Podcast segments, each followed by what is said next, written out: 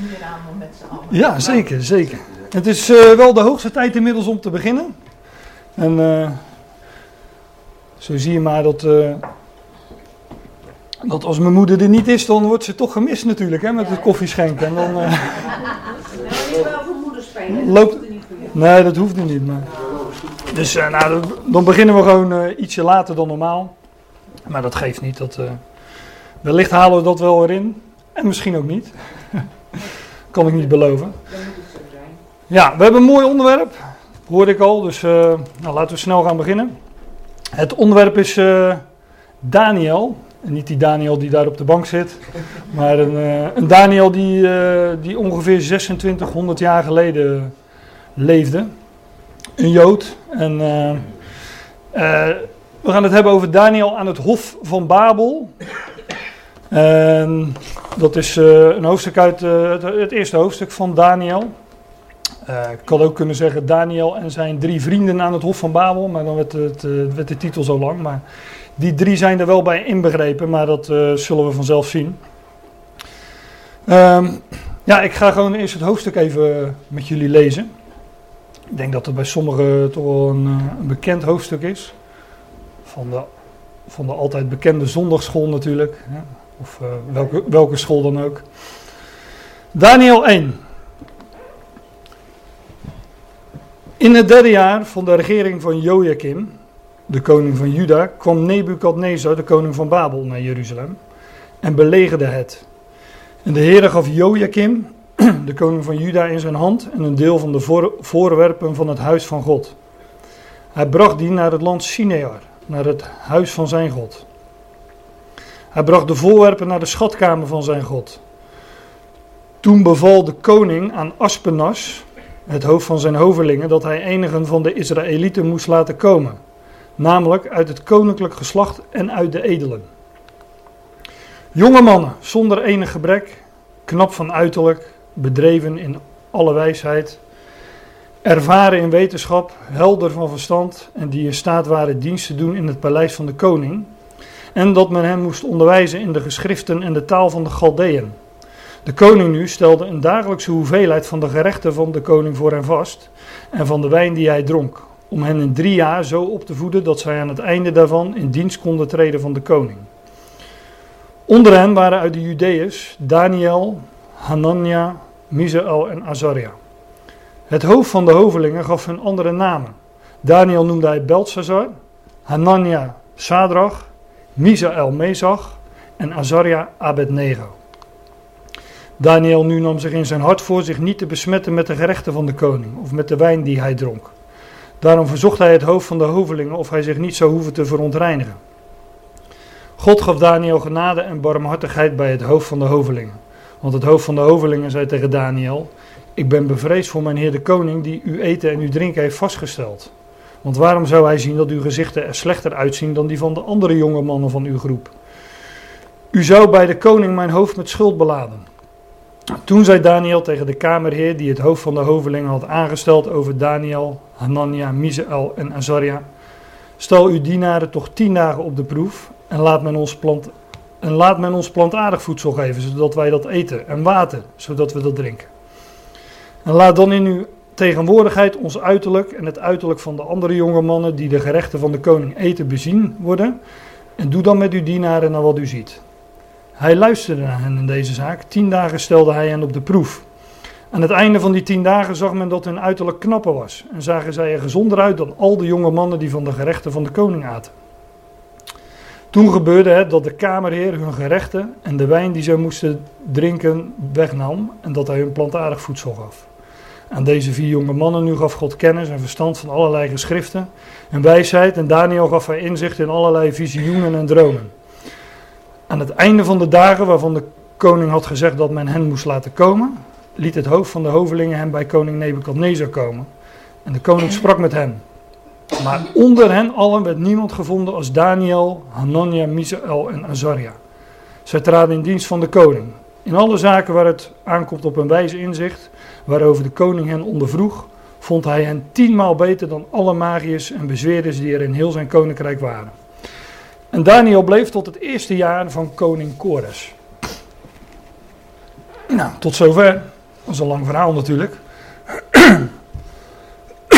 en ehm, het is uh, zo'n beetje de inleiding uh, van het boek Daniel. Maar ik wilde eerst eens een, uh, een overzicht geven van, van dat hele boek van Daniel. Even het geheugen opfrissen, waar dat, ja, wat we daar zo in vinden. Nou, dit was Daniel 1, Daniel aan het Hof van Babel. Ik heb gewoon even per hoofdstuk weergegeven wat we, wat we daar vinden. Daniel 2 is misschien wel het bekendste hoofdstuk. Dat grote beeld van, uit de droom van Nebuchadnezzar met een gouden hoofd en met zilveren schouders en borst en uh, ijzeren buik, zilveren benen en voeten, tenen van ijzer en leem. En de steen die dat beeld verpulvert. Um, ik, iemand vroeg, uh, maar ga je het hele boek Daniel bespreken? Ik zei, nou, dat, dat denk ik niet, maar Daniel 2 wil ik volgende keer wel, wel mee verder gaan. En misschien wel de komende twee keren. Het is een, het is een heel lang hoofdstuk, ne 49 versen. En er valt veel over te zeggen. Niet alleen over dat beeld wat we daar vinden, maar ook ja, alle gebeurtenissen eromheen. Er staat nogal wat in, in dat hoofdstuk termen die ons ook zouden moeten aanspreken als, als gelovigen. Hè, over verborgenheden en de wijsheid van deze wereld die teniet wordt gedaan. Allemaal termen die we later bij Paulus vinden, maar wat we hier ook vinden uitgebeeld in, in Daniel 2. Nou, daarover volgende keer dus meer. In Daniel 3, weer zo'n beeld. dit keer een beeld van Nebukadnezar. En de drie vrienden van Daniel die daar niet voor willen buigen. En dan in die, uh, in die vurige oven geworpen worden. En uh, dan is daar toch opeens een vierde man bij. En uh, zij overleven die vurige oven. Nou, dat, dat brengt Nebukadnezar ja, tot erkenning van, van de ware God.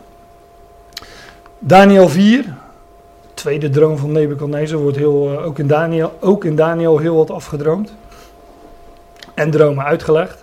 De tweede droom van Nebuchadnezzar, van die, uh, van die grote boom. En eh, in dat hoofdstuk wordt ook Nebuchadnezzar vernederd. En kruipt hij over de grond als een dier en, hoe staat er? Eet gras, geloof ik. Daniel 5, Gods oordeel over Belshazzar. Weet je wel, met die hand op de muur. Mene, mene, tekel, ufarsim. Die hand die, uh, die die woorden schreef. En uh, zou die niet wist wat het betekende. En toen uh, moest Daniel het natuurlijk komen uitleggen. Want ja, Daniel die, die kent verborgenheden. Dat is Daniel 5. En Daniel 6. Een van mijn favoriete bijbelverhalen, mag ik wel zeggen. Daniel in de leeuwenkuil. Dus ik, het zou me niet verbazen als we daar binnenkort ook, ook een keer over gaan hebben. Nou, schitterende geschiedenis, maar ook met een, met, met een geweldige betekenis. Die ligt er wel heel erg dik bovenop, maar er is geen reden om het, om het daar niet over te hebben. Daniel 7. Daniels visioen over de vier dieren. De leeuw, de beer, het luipaard en dat laatste verschrikkelijke dier. En ik geloof dat dat hoofdstuk weer alles met Daniel 2 te maken heeft. Dus vandaar dat het misschien wel uh, goed is om daar eens twee ochtenden bij stil te staan. Maar dat, dat weet ik nog niet precies. Nou, dan komen we in Daniel 8. Weer een droom, een visioen, een gezicht, hoe je het ook wil noemen. Ehm, Daniels visioen van de ram en de bok, de geitenbok. Daniel 9, het gebed van Daniel, de 70 jaarweken. Als je ooit iets gehoord hebt of je ooit eens bezig hebt gehouden met bijbelse chronologie en uh, profetie, dan zijn de 70 jaarweken wel een, uh, wel een begrip. Daniel 10, profetie over het volk van Daniel en de andere volken. Daniel 11, profetie over de koning van het zuiden en de koning van het noorden. En Daniel 12, ja, ik heb er zelf maar wat eh, titels voor verzonnen. Maar de tijd van benauwdheid, daar wordt daarover gesproken. Gabriel, eh, de engel Gabriel, aartsengel. Nee, de aartsengel Michael is hè. De aartsengel Michael komt daar nog eh, op het toneel. Ehm, de verzegelde woorden en het einde van de dagen. Nou ja, dat zijn zo wat kort gezegd waar, waar het boek Daniel over gaat. En wat opvallend is, is dat, ehm, dat, dat, dat het boek bestaat uit een aantal eh, verhalen hè, eh, die zich zo eh, op het eerste gezicht aandienen. Die we allemaal kennen uit onze kinderbijbels. En, en dat daarna een aantal hoofdstukken komen waarin, waarin echt profetieën worden gegeven. Die vooruitwijzen naar wat er in de toekomst gaat gebeuren. Nou, dat, dat is wat, ze, wat je op, het eerste, eh, op een eerste aanblik zou zeggen. Maar ook al die geschiedenissen in Daniel. Ja, ook dat zijn, eh, ook dat zijn profetieën. Alleen, eh, ja, om dan te zeggen in, in beeld. Maar dat is wel erg dubbelzinnig als, als je het over het boek Daniel hebt. Want het gaat, het gaat nogal eens over bepaalde beelden. Hè, zoals dat beeld van goud, zilver, eh, koper en ijzer. Dus, eh, maar ook dat beeld is een beeld van, eh, nou ja, dat, dat wordt er gewoon bij gezegd, van toekomende koninkrijken. Van wereldrijken die, laat ik het zo zeggen, Babylonische wereldrijken. Maar daar komen we dan wel op. Maar we gaan eerst eens naar, naar Daniel 1. En Daniel 1, ik wilde het hoofdstuk eerst overslaan. Ik wilde meteen bij Daniel 2 beginnen. Maar het is toch wel echt een heel belangrijk hoofdstuk. Omdat Daniel 1 echt de inleiding is tot de rest van het boek van Daniel. Want ja, hoe is het allemaal zo gekomen dat Daniel daar opeens in, eh, in Babel was en dromen uit aan het leggen was aan een eh, Babylonische koning? Een Jood in Babel aan een Babylonische koning dromen uitleggen. Oké, nou hoe is dat dan zo gekomen? Nou, dat vertelt Daniel 1. Maar ehm, ja, de, de, de, we vinden best wel wat details in Daniel 1, maar ook heel veel details van hoe dat dan zo gekomen is niet. En ik zal een aantal dingen zal ik, eh, laten zien vanuit de schrift. Maar ook een aantal dingen zal ik gewoon noemen. En eh, ja, dat is dan aan jullie om dat, eh, om dat eens na te zoeken. Want als ik echt alle, alle puzzelstukjes daarbij had gehaald, dan eh, hadden we niet verder dan vers 3 gekomen, denk ik, deze ochtend. En dat, eh, dat was niet helemaal mijn bedoeling. Dus eh, daarna hebben jullie zeg maar twee weken om dat eens rustig na te kijken. En te onderzoeken of deze dingen al zo zijn. Hè? Want dat, waren, dat, dat deden die Bereërs ook in Handelingen 17. En ja, het is, eh, weet je, de ene keer dan is het tamelijk, probeer ik tamelijk uitputtend de dingen voor het voetlicht te brengen. Maar het is ook wel eens zo dat, eh, dat je sommige dingen laat liggen en dat ik ze, ik zal ze wel zoveel mogelijk noemen. Daniel 1. Nou, we hebben het net gelezen. Ik wil gewoon één voor één die, versen even doorlopen. Daar staat in het derde jaar van de regering van Joachim, de koning van Juda, kwam Nebukadnezar, de koning van Babel, naar Jeruzalem en belegerde het. Hier wordt dus een datering gegeven. Hè? Dat zo deed men dat in, de, in vroegere tijden, in de oudheid. Namelijk aan de hand van regeringsjaren van koningen. Kijk, wij leven nu in eh, 2018 na Christus. Maar in 606 voor Christus, want daar hebben we het nu over, kon men nog niet zeggen van het is nu het jaar 606 voor Christus. nee, want men is eh, natuurlijk pas men is gaan rekenen vanaf Christus, vanaf het jaar 0. Ben ik niet helemaal eh, precies, want het jaar 0 bestaat natuurlijk ook niet. Maar dat is weer een ander verhaal. Maar vanaf toen is men gaan rekenen. Ook dat is niet helemaal waar, want men is pas achteraf vanaf Christus gaan rekenen. Dus vandaar dat, eh, dat zelfs die tijdrekening nogal eh discutabel is en problemen oplevert. En ga maar een, eh, een, een boek lezen over Daniel, een, een commentaar op het boek Daniel, of nou, welk Bijbelboek dan ook. De tijd waarin men het wil dateren is, is echt altijd lastig. Daar zijn altijd verschillen in. Nou, hier zegt men over het algemeen over dat het derde jaar van Joachim, dat dat 606 before Christ, hè, voor Christus was dat, terugrekenend. En um, in, die, in dat jaar van de regering van Joachim, de koning van Juda, kwam Nebukadnezar, de koning van Babel, naar Jeruzalem en belegerde het. Nou, hier is de tijdrekening wordt gegeven aan de hand van de koning van Juda. Dat is ook wel leuk. In de rest van het boek gaat het, is het, wordt de tijdrekening gegeven aan de hand van de regeringsjaren van Babylonische koningen en Perzische koningen. En dat is veelzeggend, want de schrift, het Oude Testament, de Tenach, is een Joods boek. Het gaat over het Joodse volk, het gaat over, ja, over Israël.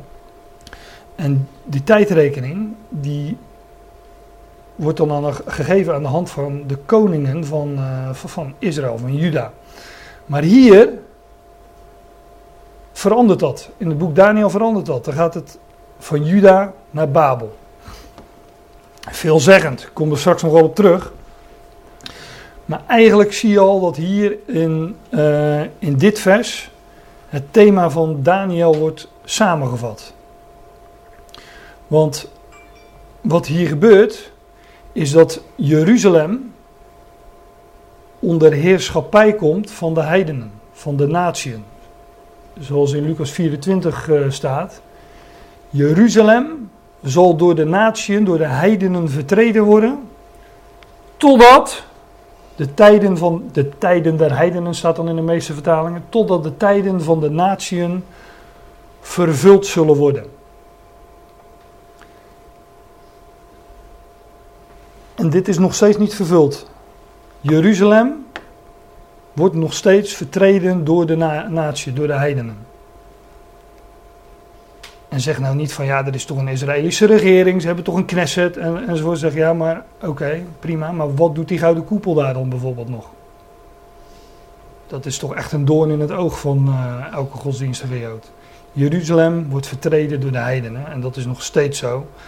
En ja, ik had gisteren wat gesprekken erover met uh, mensen die toch niet zouden komen, dus ik denk. Uh, dat kan nog goed met discussie. Ja, dat waren mijn ouders, die uh, waren op een verjaardag, dus ik denk. die. dus ik, daar, daar had ik het, ik had het met hen over en toen zei ik ook van ja, toen had het over Amer de, de rol van, van de, de hele wereldpolitiek. Ja, als Amerika of de volkeren hun steun zouden terugtrekken aan Israël, dan, ja, dan is het bij wijze van spreken ook meteen afgelopen. Wat overigens niet alleen voor Israël geldt natuurlijk, maar nog voor meer uh, groepen in die regio, zoals de Palestijnen. Maar over politiek uh, ga ik het nu niet hebben, want daar heb ik sowieso niet zo heel veel verstand van. Maar één ding is duidelijk: Jeruzalem wordt door de natie vertreden. Ik zeg dat, want als je een handboek pakt over Daniel, uh, dan heeft men er allerlei ideeën en filosofie over. Wanneer die tijden der heidenen vervuld zouden zijn. En dan noemt men jaartallen bij als 1917. Hè, dat is het einde van de Eerste Wereldoorlog, geloof ik. Maar ook 19, 19, 1918 is het dan. Ja. ja. Ja, dat was iets voor mijn tijd, dus ik, vandaar dat ik het wat lastig kan onthouden. Maar 1918, 1948, de, de, de, de vestiging van de, van de Joodse staat. Maar ook 1967, het einde van die Zesdaagse Oorlog. Nou, dat soort uh, dingen. Dat is dus gewoon niet zo. Die, de Jeruzalem wordt nog steeds vertreden door de natieën. En in dit vers wordt eigenlijk in één vers het thema van het boek Daniel samengevat. Jeruzalem, dat vertreden wordt door de heidenen, dat onder uh, Joodse heerschappij terechtkomt.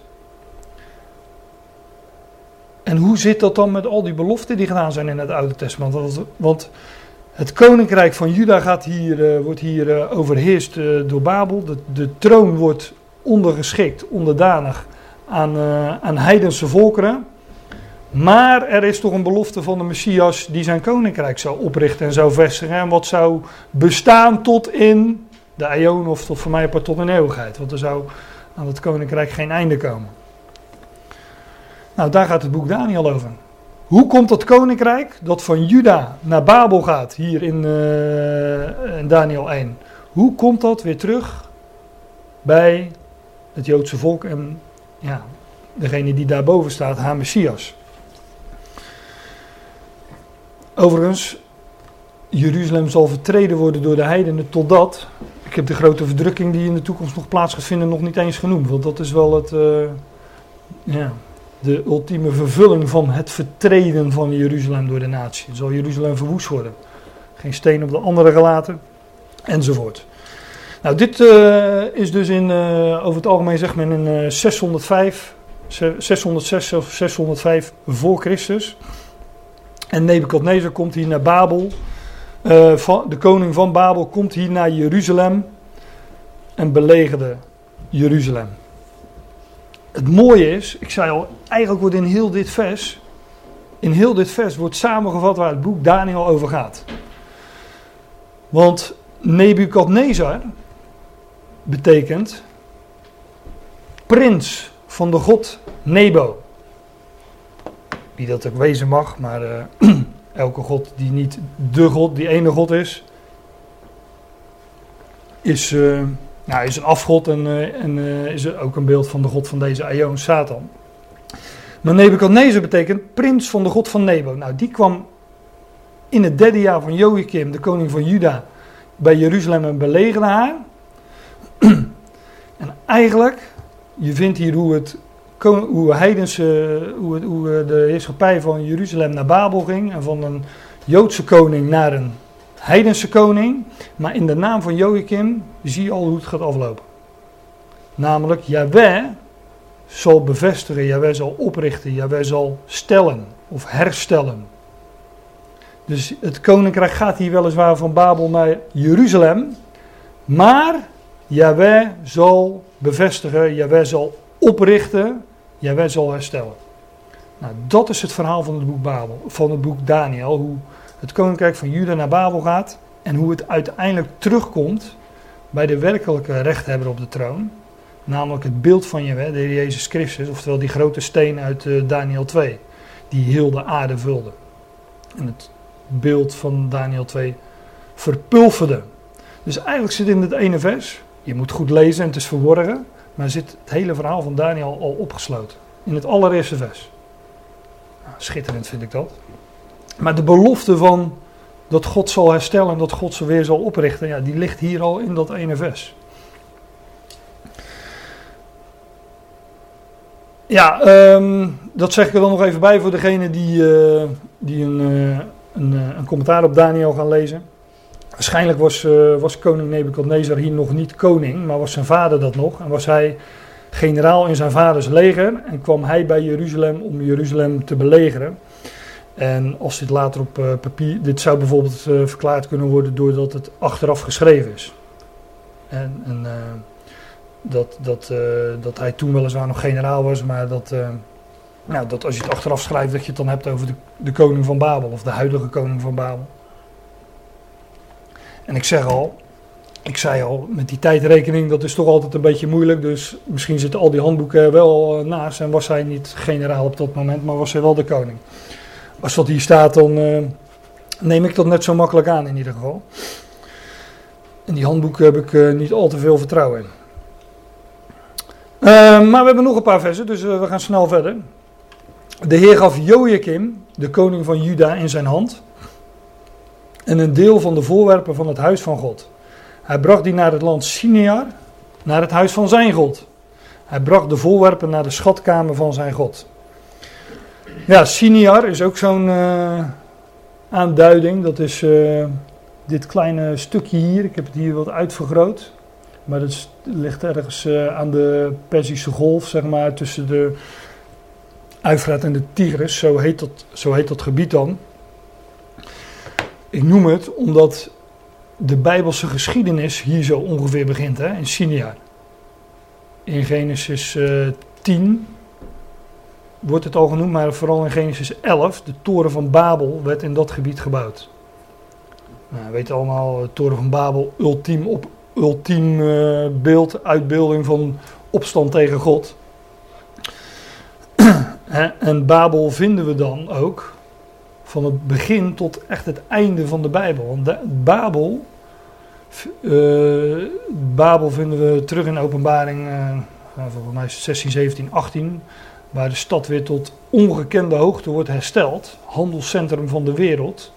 wordt.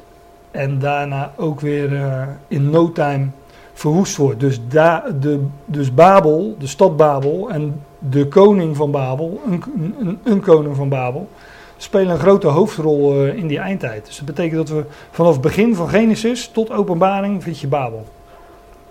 En uh, ja, bijvoorbeeld dus ook in, uh, in Daniel. En het is altijd een, ja, het is eigenlijk het hoofd, ja, daar komen we de volgende keer op op het hoofd natuurlijk, maar het hoofd van, van de volkeren en ook een uitbeelding van, van, de, van de wereldrijken en de, van opstand tegen God. Dat zit er allemaal in, ook in dat Siniar. Nou, we vinden Simeon maar een paar keer in de Bijbel. Uh, onder andere hier in, in Genesis 10. Zachariah 5 zou ik nog kunnen noemen. Ik weet niet of jullie dat kennen. Dat is een wat minder bekend gedeelte over een, uh, een vrouw in een Eva.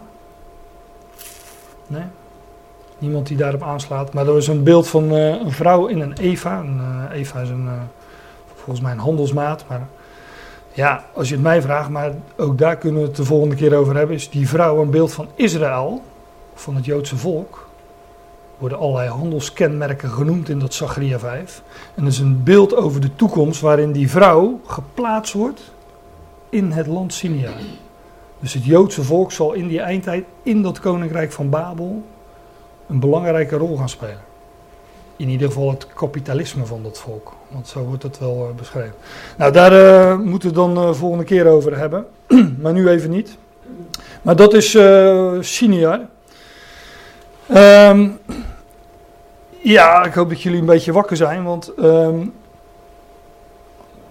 het laatste woord is nog. Um, kijk,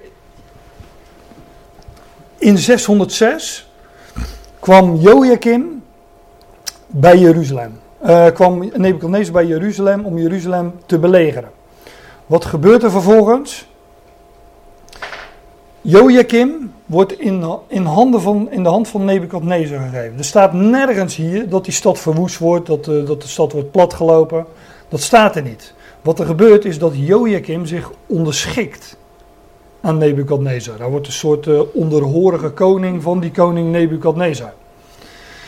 Wat de koning vervolgens doet, Nebukadnezar, is hij brengt voorwerpen uit de tempel, uit het huis van God, naar zijn eigen land, naar de schat, schatkamer van, van zijn God. Um, en hij laat mensen uit het koninklijk geslacht en allerlei uh, wijze en hoogstaande figuren uit dat koninkrijk van Juda brengt hij naar Babel, waaronder Daniel. Dat doet hij in, uh, nou ja, laten we dat jaartal even aanhouden, 606 voor Christus. Wat hij niet doet, is Jeruzalem verwoesten en heel Jeruzalem wegvoeren op dat moment. Jeruzalem werd hier niet verwoest. Dat lees je ook in, je leest dat, en dat is dan uh, iets wat ik niet aanhaal, maar alleen noem. Dat moet je thuis dan, uh, of waar dan ook even nalezen. In 2 Koningen 24, in 2 Koningen 24 lees je eigenlijk het hele overzicht van wat hier gebeurt, maar ook dat is een vrij lang hoofdstuk. Maar dan lees je dat Nebuchadnezzar naar Jeruzalem toekomt, Jeruzalem belegert en doet wat, wat hier gezegd wordt, voorwerpen uit het huis van God naar zijn land brengt. Enkele mensen, waaronder Daniel en zijn vrienden, ook naar, zijn, uh, naar Babel brengt. Na drie jaar, 2 Koningen 24 lees je dat, rebelleerde Joachim tegen Nebuchadnezzar. Hij, wilde zijn, hij was niet meer zo eens blijkbaar met zijn ondergeschikte, onderdanige positie. Dus hij rebelleerde tegen Nebukadnezar. Nou, wat, toen kwam Nebukadnezar dus weer. En hij zette die Joachim af. Nog steeds heeft hij, uh, deed hij daar verder. Uh, ja, haalde nog wat spullen weg. En uh, wellicht dacht hij, nou, neem dat ook nog even mee en dat ook nog even. Maar nog steeds werd niet heel de stad leeg gehaald. Um, Joachim werd dus gevangen en werd afgezet. Dan komt zijn zoon Joachim, what's in the name, van je, zijn zoon Joachim, die, uh, of jo, Joachim, Joachim, wordt de nieuwe koning. Joachim wordt afgezet, zijn zoon Joachim wordt de nieuwe koning. En die wordt dus blijkbaar ook onderdanig aan Nebuchadnezzar. Het zal zo gaan zijn van jij weg. Wil jij, ben jij wel van plan om uh, onder te luisteren? Ja, ik wel. Nou, is goed. Wil jij mijn koning dan? Maar die, ook die re rebelleert uh, iets later. En dan lees je pas dat heel Jeruzalem wordt weggevoerd. Dat lees je helemaal zo beschreven in 2 Koningen 24. En dat is plusminus acht jaar later. Dus in 606, volgens het handboek, maar dus, er zitten een aantal jaren tussen. Dat is ook wel logisch als je 2 Koningen 24 uh, leest. Maar in uh, 606, nou, dat plaatje hadden we net natuurlijk, wordt, uh, wordt Daniel daar weggevoerd. Dus dat is zeg maar de eerste belegering van Nebuchadnezzar. Maar pas in 598 voor Christus wordt heel Jeruzalem weggevoerd. En ehm, ja, wordt, wordt, wordt er dus nog een keer. Dus eigenlijk is Jeruzalem drie keer belegerd door Nebuchadnezzar. En pas bij de derde belegering wordt heel, uh, ja, heel Juda weggevoerd in, uh, in ballingschap. Mijn punt is dus even, maar ik denk dat ik dat wel gemaakt heb, dat Daniel dus eerder weggevoerd werd dan de rest van Juda.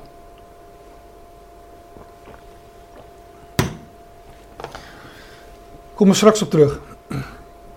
Want dat is belangrijk, denk ik, in dit, uh, in dit verhaal. We gaan gewoon naar vers 3. Toen beval de koning aan Aspenas. Die naam schijnt paardenneus te betekenen. Nou, als jullie er wat van kunnen maken, dan uh, hoor ik dat graag. Ik heb geen flauw idee. Toen beval de koning aan de paardenneus en Aspenas. Zal bijnaam geweest zijn, denk je niet? Ja, of je moet echt zo heten. Maar dan, uh, ja, je, je vraagt je toch af waarom sommige ouders kinderen uh, bepaalde namen geven. Dus uh, het, het, zou zomaar kunnen. Toen beval de koning aan Aspenas, het hoofd van zijn hovelingen, dat hij enige van de zonen van Israël moest laten komen, namelijk uit het koninklijk geslacht en uit de edelen. Uh, letterlijk staat hier het hoofd van de Uinuigen, of hoe zeg je dat? Niet Eunuigen, maar Uinuigen is het dan, hè, geloof ik. Maar um, ik heb dat woord hoveling maar uh, laten staan, omdat ik, maar als hoveling staat, dan gaat het over de, het hoofd van de uinuigen. Maar een uinuig is iemand die, die ze zijn ja, mannelijkheid hebben afgenomen, die gecastreerd is. En ja, weet je, als je de commentaren daarop naleest, dan deed men dat omdat er nog wat vrouwen aan dat hof liepen en omdat men problemen wilde voorkomen. nou, dat is op zich een doeltreffende oplossing lijkt me in ieder geval. Kunnen, daar kunnen we verder wat van vinden natuurlijk, maar dat zal het ook ongetwijfeld wel, uh, wel zo geweest zijn. Over vind je um, die, zo, dat, dat woord vind je ook in de geschiedenis van Jozef. Die was ook een, uh, Jozef werd, uh, kwam in het huis van Potifar en die was ook de overste van Uinuigen. Weet je gelijk waarom de vrouw van Potifar ehm, dacht van ik ga eens even er verder winkelen. Ja, alles heeft zijn redenen toch? nou ja. Um, ja, die, die, die Potifar was ook weer een overste der Trawanten. Dat staat dan in het Statenvertaling. Die term kom je ook in Daniel 2 weer tegen. Dat is dan, uh, hoe heet die, Arioch. Maar daar komen we dan nog wel op. Ja, de geschiedenis van Jozef dus. En daar vind je, je vindt heel veel overeenkomsten tussen Jozef en Daniel. Ik heb hier een, uh, een rijtje opgeschreven. Schoon van aangezicht, wordt van beide gezegd. Ze waren allebei in het buitenland. Trouw, maar trouw aan God in het buitenland. Allebei hadden zij dromen. Maar zij legden ook dromen uit. Um, nou, dat is ook een mooie. Daniel, daar gaat het hier over. Zij worden zonen van Israël genoemd. Maar van wie was uh, Jozef de zoon? Van Israël. Ja, die kennen we ook als Jacob, maar uh, zijn andere naam was Israël. Dus Jozef was een zoon van Israël. Nou, die mannen hier zijn ook zonen van Israël. Uh, ze werden allebei, uh, Jozef en Daniel, aangevallen op hun trouw. Beproefd. Ze waren allebei in het buitenland. Onder een andere naam. Dat lezen we straks al, we hebben het al gelezen, want Daniel en zijn vrienden kregen andere namen. Maar ook Jozef kreeg andere namen. Jozef, Safnat Paaneach, kreeg hij als Egyptische naam mee. De, dat betekent weer zoiets als uh, uitlegger van verborgenheden. Ja. Jozefs identiteit werd veranderd daarmee, door een andere naam te geven, maar dat gebeurde bij Daniel ook.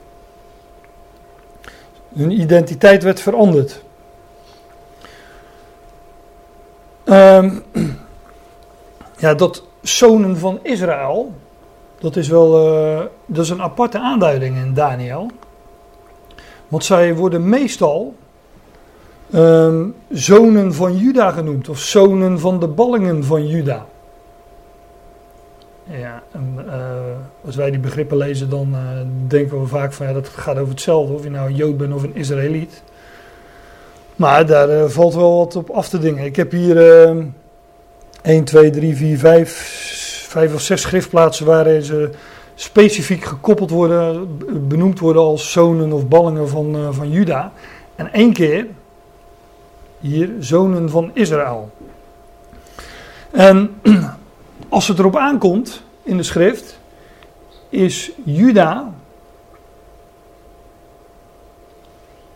uh, het tweestammenrijk. Kijk, ik zei al, je moet wel een beetje wakker zijn deze ochtend. Maar Israël werd na de afgoderij van Salomo opgedeeld in twee koninkrijken. Het noordelijke rijk, Israël, en het zuidelijke rijk, Juda. Het, de divided kingdom staat er, het gedeelde koninkrijk. Het werd opgedeeld in een tienstammenrijk, een tweestammenrijk. Israël en Juda, of vaak ook genoemd. Hoe werd het tienstammenrijk genoemd? Ephraim. En waar was dat ook weer een zoon van? Van Jozef. Daar is Jozef weer. Um, we hebben het nu over Juda en de ballingschap van Juda. Juda dat in ballingschap ging naar Babel. In 606 voor uh, Christus. In, uh, ik had het ergens genoteerd, dat ik had het opgezocht, maar volgens mij ik kan het niet zo gauw uh, vinden. Maar in 720 of 730 voor Christus, dus 120, 130 jaar eerder, is dit koninkrijk in ballingschap gegaan. Is gewoon weggevoerd hier uit hun land, uit hun gebied, uit hun maagschap en uit hun vaders huis, om het zo te zeggen. En weggevoerd in Assyrische ballingschap. En is daar nooit, officieel nooit meer uit teruggekomen. Israël. Ik heb, het hier, ik heb het hier wel eens eerder over gehad. Maar dit tienstammenrijk is in Assyrische ballingschap gegaan en verdwenen onder de natieën. Dus zij zijn naar het buitenland gegaan, zijn daar hun identiteit kwijtgeraakt en zijn bekend nu niet onder de naam Israël, maar onder andere namen. Ja, welke namen weet ik niet. Maar in ieder geval niet meer onder uh, Ephraim, Ruben, uh, nou ja, noem, Zebulon, noem ze maar op. Ze zijn verdwenen onder de natie, hun identiteit kwijtgeraakt. En um, ja. En dat is al uh, meer dan 120, 120 jaar gebeurd voordat dit deel van Israël weggevoerd wordt in ballingschap. Ze zijn officieel ook nooit meer teruggekomen in dit land. Juda, want dat, dat, dat lees je ook in het boek Daniel, Juda is wel teruggekomen in het land zijn teruggekomen uit de Babylonische ballingschap. Want God had gezegd: Jullie zullen 70 jaar uh, in, uh, in Babel zijn en dan zullen jullie terugkeren. Van tevoren was het al beloofd. Vandaar dat Daniel en Daniel 9 ook gaat bidden: van ja, de, de tijd is voorbij. U, uh, u, u heeft beloofd, de, de, de termijn is vervuld. Dus nu mogen we terug. En dat gebeurt ook. Alleen dit volk is nooit teruggekeerd. Daar zijn, daar hebben we het ook wel eens over gehad, daar zijn later in, uh, door de Syrische Rijk, de Syrische koning, zijn er wel volkeren in dat gebied geplaatst.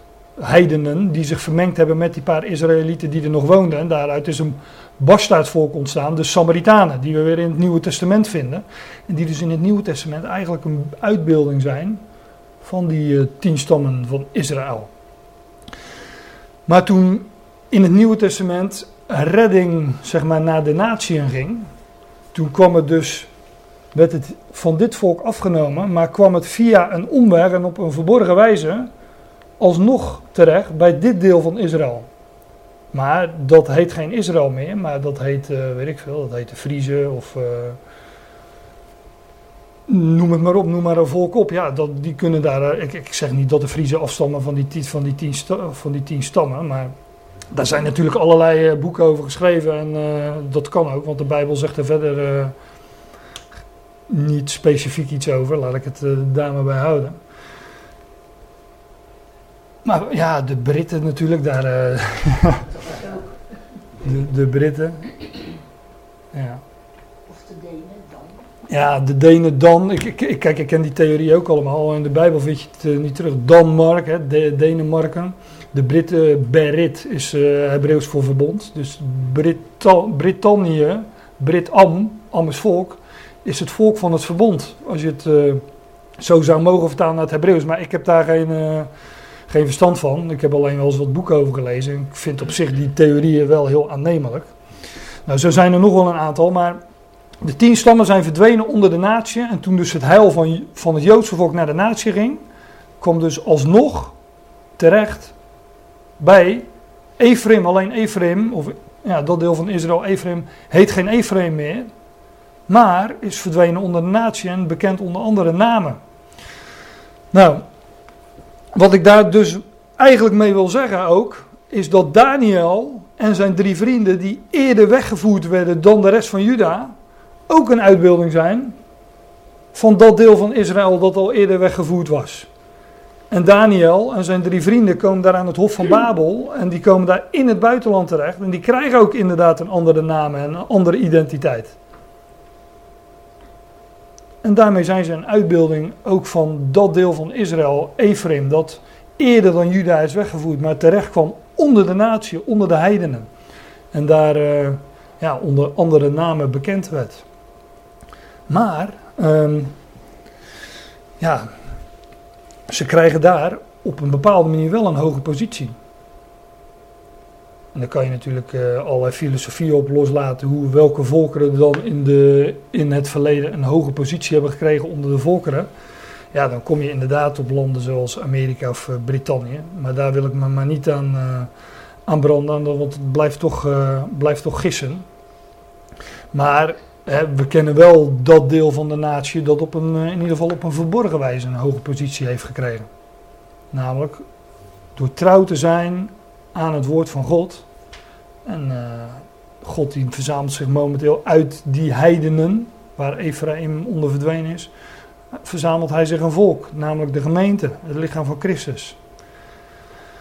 Nou, ik denk dat, eh, dat de gelovigen die vasthouden aan het woord van God in het buitenland, dat, die een beeld, dat Daniel en zijn drie vrienden daar een beeld van zijn. En specifiek van dit deel van Israël, dat eerder weggevoerd werd dan Juda. Want Daniel wordt echt eerder weggevoerd dan de rest van Juda.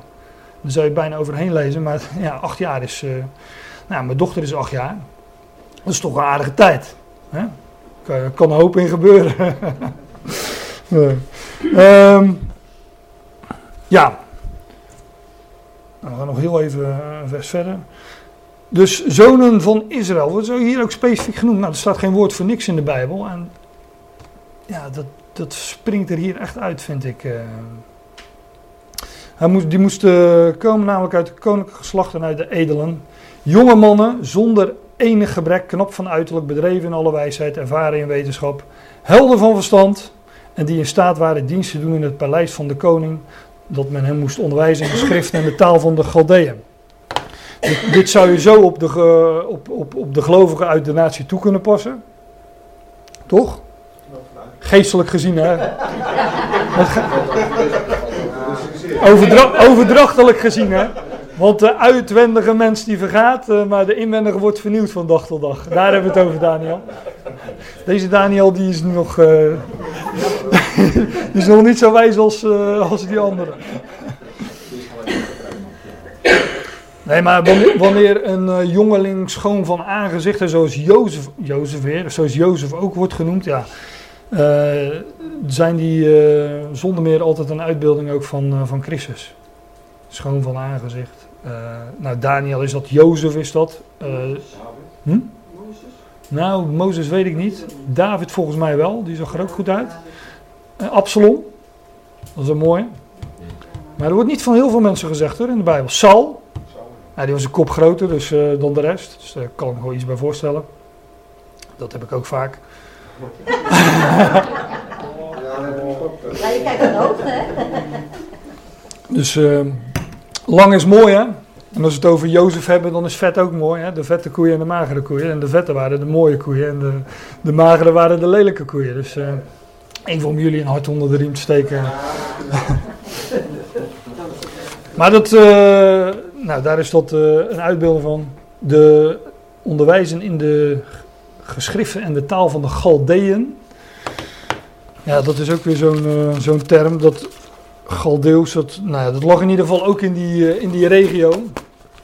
Galdeën daar uh, zijn soms ook op een bepaalde manier een uitbeelding van de gemeente. Maar ja, ik, daar ga ik, dat laat ik even liggen. De koning nu stelde een dagelijkse hoeveelheid van de gerechten van de koning voor hen vast en van de wijn die hij dronk, om hen in drie jaar zo op te voeden dat zij aan het einde daarvan zouden staan voor de koning. Ja, hun uh, opleiding duurde drie jaren. Nou, dat is natuurlijk ook niet voor niks. ja, daar, valt eigenlijk niet zo heel veel aan toe te lichten hè, aan, uh, aan drie jaren. Uh, dat, is, ja, dat, is, dat is eigenlijk ook een, een uitbeelding van, van onze tijd. Hè? En ook dat vind je vaak terug in, in typen. Drie maanden, drie jaren. Natuurlijk de, de drie dagen. Opstaan, opstanding op de derde dag. Maar hier, ik heb er een paar opgeschreven, maar dat, ik kan een hele lange reeks kunnen geven. Maar Absalom verborg zich uh, drie jaar na het doden van zijn broer. Ken je dat verhaal? Amnon, die doodde hij. Dus Absalom, die zijn broeder doodde, verborg zich drie jaar. Nou, dus het is natuurlijk rijk aan, aan typologie.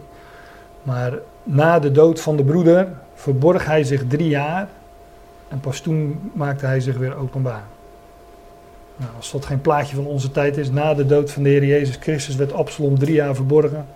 En uh, op de derde dag volgde daar uh, opstanding. Paulus kwam na, een, dat lezen we volgens mij in, ja, in Paulus kwam na een driejarig verblijf in Damascus, in het buitenland, namelijk in Syrië, in Assyrië, waar die tien stammen ook naartoe gingen. En verdwenen onder de natie. Paulus kwam na een driejarig verblijf in Damascus terug in Jeruzalem. Bij Petrus om hem zijn verhaal te vertellen. Nou, zo kan ik me voorstellen dat wij op die derde dag ook aan Israël ons verhaal gaan vertellen. Um, Mozes, we werd net al even genoemd, werd drie maanden verborgen.